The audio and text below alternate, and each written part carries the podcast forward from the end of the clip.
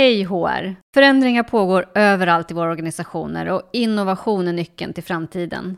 Men hur ska man hänga med på allt? Jo, genom att samla så många perspektiv som möjligt. Mitt namn är Lena Bjurner. Jag är generalsekreterare för Sveriges HR-förening. Och i den här podden träffar jag generalister och experter från näringsliv och offentlig sektor, från startups och stora organisationer. Det blir korta smakbitar om vad som pågår just nu och tankar kring framtiden. Häng med!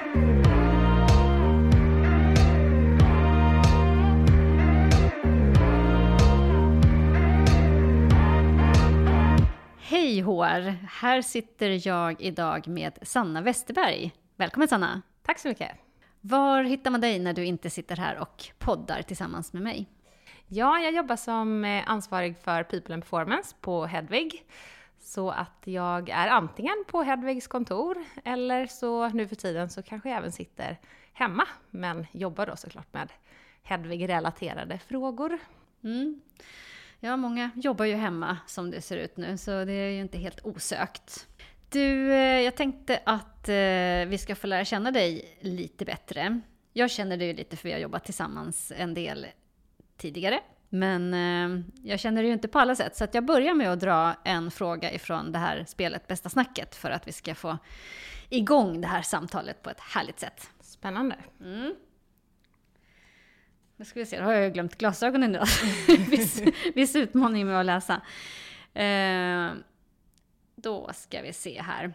Vad använder du din telefon mest till? Vilka ännu icke uppfunna eh, appar skulle du vilja ha i din telefon? Hmm. Jag använder, ja men tråkigt nog så använder jag väl telefonen mest till min to-do-app, eh, mail, LinkedIn, meddelanden. Jag har faktiskt tagit bort mina sociala medier-appar, både Facebook och eh, Instagram har rykt för att jag inte ska slösa så mycket tid på telefonen till onödiga saker. Icke uppfunnen app ja, det skulle väl vara om man hade en riktigt bra heltäckande app som hade koll på ens hälsa.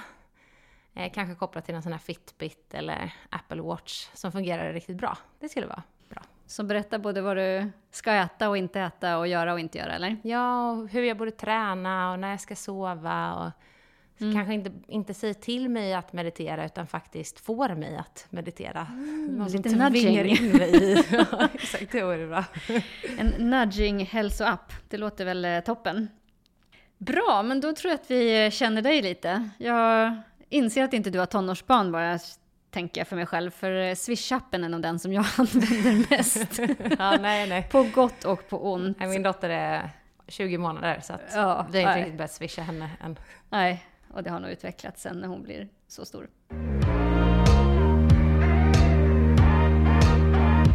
Härligt! Du, eh, jag skulle väldigt gärna vilja höra, Hedvig är ju ett spännande företag tycker mm. jag. Eh, och vad är det som händer hos er? Vilka, vilka större förändringar befinner ni er i? Oj, ja det är ju väldigt mycket stora förändringar hela tiden. Um, för hela företaget så en stor grej som är på gång just nu är att vi ska bli ett eget försäkringsbolag. Och allt vad det innebär, väldigt, väldigt spännande. Vi är mitt uppe i att resa en B-runda. Det är också väldigt spännande, utmanande och kommer förhoppningsvis leda till en massa möjligheter framåt. Sen inom People and Performance så driver vi en rätt eh, aggressiv förändringsagenda eh, hela tiden i att här, innovera allting som har med eh, människor och kultur att göra. Så det senaste vi gjorde till exempel var att vi lanserade en eh, helt ny lönemodell som vi hade skapat tillsammans med våra medarbetare. Som är helt eh, transparent. Eh, en modell för hur vi sätter löner när folk kommer in på Hedvig som är transparent för alla. Och sen eh, nu håller vi på att utveckla hur vi ska göra våra lönereviews baserat på våra värderingar. Eh, vilket många verkar tycka är ganska kontroversiellt. Ja, okej. Okay. Eh, inom bolaget eller utanför bolaget tycker man att det är kontroversiellt? Eh, nej men faktiskt, när vi presenterade det för våra medarbetare så fick vi jättebra respons och feedback. Jag var ganska nervös innan vi presenterade det, för även om det var många som hade sagt i workshopen att de tyckte att det var bra, att värderingar skulle vara en del, så var jag ändå lite så här, ja, men jag var beredd på motstånd. Eh, men vi fick jättepositiv och fin respons eh, internt. Folk tyckte att det var superbra. Sen hade man frågor om så här, hur ska det fungera i praktiken? Eh, och det bygger på att vi har översatt värderingarna i konkreta beteenden så att man faktiskt vet vad värderingarna betyder. Och sen eh, så har vi inte chefer som utvärderar medarbetare utan man utvärderar sig själv och sin egen prestation. Eh, så vi jobbar där då med två av våra värderingar som är empathy and trust och ownership. Och säger då att vi litar på våra medarbetare att de kan eh, utvärdera sig själva. Eh, och att de får ta ägandeskap för sin egen utveckling och eh, ja, för sin egen lön och för sin egen karriär och för sin egen prestation. Det verkar vara som ni fick positiv feedback internt. Ja. Du sa att det var lite kontroversiellt. Eh, ni fick ändå återkoppling från annat håll då. Ja, men jag tror att det, den responsen vi har fått eh, externt ifrån är att folk blir väldigt fascinerade och liksom intresserade. Eh, men undrar liksom med eh, liksom, ihoptryckta ögonbryn, så här, hur kommer det funka egentligen då? Och, är det verkligen bra? Och värderingar, ska man liksom sätta lön baserat på det? Och jag tycker att det är rätt konstigt för att det är väldigt många företag, eller jag skulle säga nästan alla företag idag, har tydliga värderingar formulerade. De sitter ofta som fina ord på liksom planscher på väggen eller de står tryckta någonstans. Men sen när man frågar eh, liksom medarbetarna vad som verkligen värderas i företaget så är det helt andra saker. Det kan man ta, ett tydligt exempel är eh, om man tittar på en säljorganisation så har man ofta värderingar som kunden i fokus eller eh, ja, customer first eller samarbete till exempel kan vara någonting som man säger att man värderar. Eh, och det står på väggen och man säger till säljarna att kunden är det viktigaste vi har. Men sen när man ser vad de får lön baserat på så är det för hur mycket de säljer. Och då är det ju egentligen eh, säljvolym som är det man verkligen värderar. Och det är på det sättet som värderingsarbete urholkas, menar jag på då. Att om man säger att det här är viktigt och sen visar man inte det genom handling i, i praktiken, då tappar folk förtroende för den typen av arbete. Så jag tycker att det är kontroversiellt att inte ha värderingar som en stor del i en lönereview. Eh, då tycker jag liksom inte att man gör det arbetet på riktigt. Mm. Men jag tänker också när du berättar att ni har omsatt dem i beteenden så blir det också lite lättare att mm. se hur det där skulle kunna fungera, tänker jag. Mm, exakt. Sen gör vi, alltså vi försöker att eh, integrera värderingarna i, i allting vi gör. Eh, så att det inte bara är att vi säger till medarbetarna att det här förväntar vi oss utav er. Utan även när vi utvecklar liksom arbetssätt eller processer. Eh, till exempel nyss så fick vi bytte vi så här, um, ekonomisystem och där man rapporterar sina tider för hur mycket man har jobbat. Och då fick jag frågan, så här, men vem är liksom rapporterande, vad har vi för linjerapportering, vem är chef för vem? Och frågan var tillbaka, vad, vad spelar det för roll om en chef måste godkänna medarbetarens tider? Varför då? Ja, nej men det är för att så har det alltid varit. Så här, men om vi litar på våra medarbetare, då behöver vi väl inga chefer som ska godkänna deras tider. Och eftersom att en av våra värderingar är trust, eh, och en annan är ownership, återigen litar vi inte på våra medarbetare tillräckligt nog för att de ska kunna rapportera sina egna tider och attestera det själva och ta ägandeskap för det, utan behöver vi ha liksom, mamma och pappa här då som, som ska gå in och klicka ja. Liksom, jag har inte bättre koll på mina medarbetares tider än vad de har själva. Liksom. Eh, och det finns massa sådana exempel på där vi verkligen utmanar oss själva och frågar oss hur kan vi leva det här på, leva våra värderingar på alla sätt? Och inte bara ja, men, säga att det här är någonting som, som är fint, som sitter på väggen och säga till medarbetarna vad vi förväntar oss, utan också leva upp till, till det själva. Mm, intressant. Eh, och jag antar att ni då med er själva menar liksom verkligen hela, hela bolaget, inklusive ledning och alla som jobbar där? Ja, exakt. Mm, spännande. Du, eh, du sa att ni har mycket på gång. Är det någon annan eh, större fråga som, som du och ni driver just nu? Ja, jag sitter faktiskt, idag har jag suttit med hur kommer framtidens ledarskapsutveckling se ut? Eh, och det är ett väldigt, väldigt eh, spännande, en spännande fråga och ett spännande ämne. Och om man börjar titta in i så här, vad kommer det behövas för typ av ledarskap liksom, om fem år, om tio år, hur kan man börja bygga för det redan nu? Så blir det ju extremt stora och komplexa frågor. Eh, och jag kommer tillbaka till, så men vem är jag att svara på det eller att utbilda inom det? Även om jag jobbat med ledarskapsutveckling i tio år så blir det ändå väldigt, väldigt stora och komplexa frågor. Så jag har nu suttit med hur kan vi utveckla våra ledare? Inte, inte så mycket fokus på vilka kompetenser, utan hur kan vi göra det på ett agilt och flexibelt sätt? Som inte bygger på top-down, one size fits all, utan som bygger mer på bottom-up, co-creation och som är anpassat efter respektive ledares eh, behov eh, och utmaningar här och nu. Mm. Så det är en sak som jag sitter med just nu, som jag förhoppningsvis kommer kunna presentera och lansera i slutet av den här veckan. Ehm, så vi får ingen sneak peek? Jo, men jag kan berätta där jag är i tankarna just nu. Nu är det här inte ens presenterat internt, så vi får väl se vart jag landar. Eh, men det är då att vi, hade, vi jobbade med ledarskapsutveckling under hela hösten. Och då byggde det på att vi en gång i månaden körde ledarskapsutbildningar för alla på hela företaget, som jag höll i. Och sen så hade vi någonting som vi kallade för Leadership Lab, som var mer diskussion och reflektion ledare emellan. Och så fick man lite uppgifter som man jobbade med och sådär emellan. Men det var ganska kort fokus eh, på respektive period. Vi hade typ två veckor och vi jobbade med ett ämne.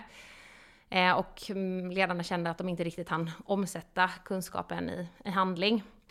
Eh, och sen coachade jag alla ledarna, så jag hade 16 personer som jag var individuell coach till. Och det var ju inte så skalbart upptäckte jag efter ett tag. Och väldigt tidskrävande. Så nu är jag då inne på att vi ska ha eh, grupper om tre, som man är i en coachinggrupp där man coachar varandra. Det blir skalbart för då kan vi bara lägga till fler och fler grupper i takt med att vi växer. Och sen har jag tagit fram ett ramverk där jag har då ringat in vilka kompetenser man skulle kunna jobba med att utveckla. Och sen i sin coachinggrupp så väljer man då ett ämne eh, som man vill fokusera på under kommande tre månaders period. Och så sätter man mål för den tre månaders perioden, vad man ska ha för outcome eh, efter de här tre månaderna. Och sen så jobbar man i den gruppen med det ämnet, dedikerat och fokuserat i, i tre månader. Och sen eh, i slutet av den här perioden så får den gruppen på sig att utbilda resten av företaget i vad de har lärt sig. Så då skulle vi kunna ha en grupp som till exempel bestämmer sig för att vi vill fokusera på hur man sätter mål på ett bra sätt, eh, hur man fördelar dem i, tid, i teamet och hur man sedan följer upp det här på ett effektivt sätt för att verkligen liksom skapa förändring och skapa effektivitet. Och så jobbar man dedikerat med att omsätta det som man lär sig i praktiken. Eh, och sen så istället för att jag ska kunna eh, lite om allt så har man då grupper som eh, fördjupar sig i specifika ämnen som de sen kan lära sina kollegor. Och då blir det väldigt skalbart och det blir relevant för de får själva välja vilka ämnen de vill fokusera på. Och jag tror att utbildningarna i förlängningen också kommer bli bättre för de kommer bli proffs eftersom att de omsätter det de lär sig i, i praktiken. Kul, det där får vi följa. Mm. Det låter väldigt spännande, eh, som en spännande approach. Du, jag eh, brukar också, nu har du ju nästan delat med dig av lite tips eh, här redan, men eh, annars så är, eh, är det en av mina stora eh, intresseområden med den här podden. Det var en av anledningarna till att jag startade den, att vi ska dela med oss av våra bästa erfarenheter, goda och dåliga, eh, som andra kan lära sig av. Så eh, om du skulle ta dina topp, typ tre eh, tips till våra HR-kollegor? Vad skulle det vara? Ja, men jag skulle vilja säga att mina topp tre tips är egentligen bara ett tips. Ehm, och det här skulle jag verkligen vilja att inte bara HR-kollegor liksom lyssnade på och förstod, utan kanske framför allt VDs och eh, ledningsgrupper. Ehm, och det är att folk är generellt sett väldigt, väldigt trötta på att det pratas om hur viktigt det är med människor och kultur men att det investeras hyfsat lite i området. Um, om man tittar på, dels, alltså man kan börja med att titta på vilka sitter vid bordet när det fattas strategiska beslut. Uh, har man en person i ledningsgruppen som har ett strategiskt ansvar för att driva Eh, people and culture-frågor på ett proaktivt och strategiskt sätt. Där får jag många, jag har många gånger fått svar där folk säger att nej men det är ett fördelat ansvar mellan olika roller och, och så jobbar man inte proaktivt och strategiskt. Man skulle aldrig ta en annan viktig fråga som försäljning eller produkt eller IT och sprida ut lite på alla möjliga olika personer, utan man behöver ju någon som är kompetent inom området som verkligen driver den agendan. Ehm, och sen så tycker jag att man ska titta på hur mycket pengar man investerar i området. Och hur många som eh, jobbar dedikerat med eh, People and Culture. Vi var tio personer när jag började på Hedvig och det tyckte ju folk var rätt eh, galet. Att ta in en person som jobbar heltid med människor och kultur när man bara är tio personer och nu kan vi konstatera att det var kanske lite sent. Vi borde, jag borde börja tidigare. Eh, och idag är vi 10% utav företaget som jobbar med eh, People and Performance som det då heter på Hedvig. Vi är 58 anställda och 5,5 person i mitt team då. Och det är, ganska, det är ganska tungt att vara så många som 10%. Det kommer vi inte vara över tid utan det är att vi är i en investeringsfas nu där vi ska växa teamet mycket och vi behöver investera mycket i employer brand och rekrytering. Men det finns ju många företag som är 2, 3, 400 personer och kanske har en person som jobbar med de här frågorna och då får man inte så mycket tillbaka.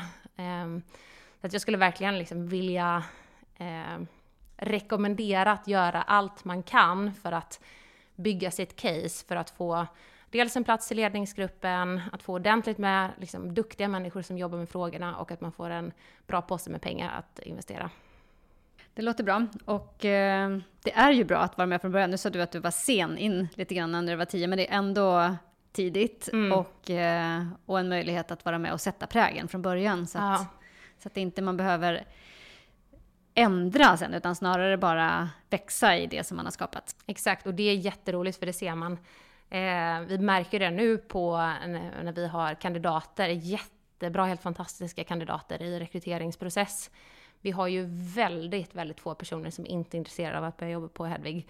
Och de refererar nästan enbart till våran kultur som så här största anledningen till att man, man vill joina. Förutom då, det är ett väldigt spännande företag, att vi håller på att förändra en bransch, men det som verkligen sticker ut som folk nämner det är våra investeringar som vi gör i, i våran kultur och att man märker att det är ett fantastiskt företag att, att jobba på.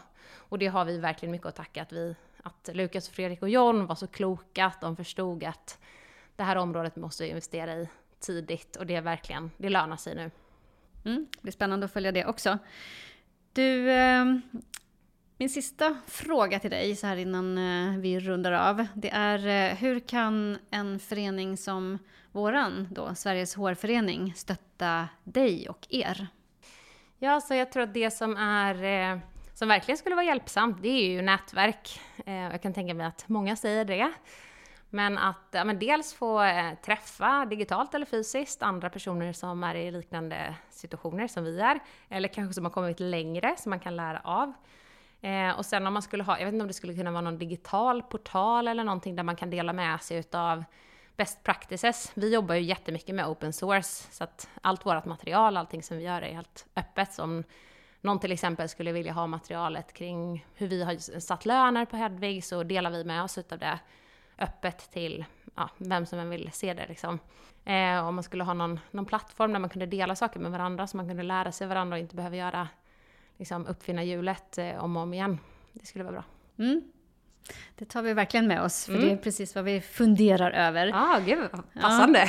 Ja. Och dessutom är ju en av våra värderingar bjussig, vilket ligger väldigt mycket i just det. Att ah. hitta ställen där vi kan dela med oss till varandra. Ja, det låter bra. Ja, tack för det. Och eh, om man då är intresserad av att komma i kontakt med dig och få veta mer om de här sakerna som du driver eller bara eh, hitta, hitta dig, var mm. gör man det? Ja, man kan mejla mig på sanna.hedvig.com eller så kan man lägga till mig på LinkedIn. Sanna Westerberg heter jag där. Eh, ja, det är väl någon av dem som är bäst.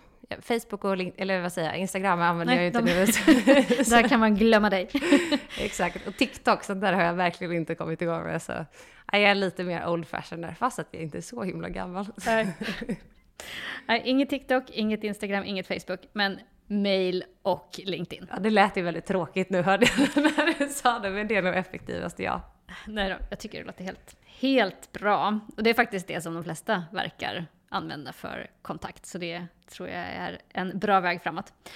Eh, men det kommer ju nya också nu. Så vi får väl se om vi hittar dig på, på de plattformarna framöver. Just det. Ja, men eh, Sveriges HR-förenings nya plattform, ja. där kommer ni hitta mig. Exakt. Jag sprider mitt material med vinden. Underbart. Stay tuned. Men du, tusen, tusen tack Sanna och eh, lycka till med allt så ses vi. Tack för att jag fick komma.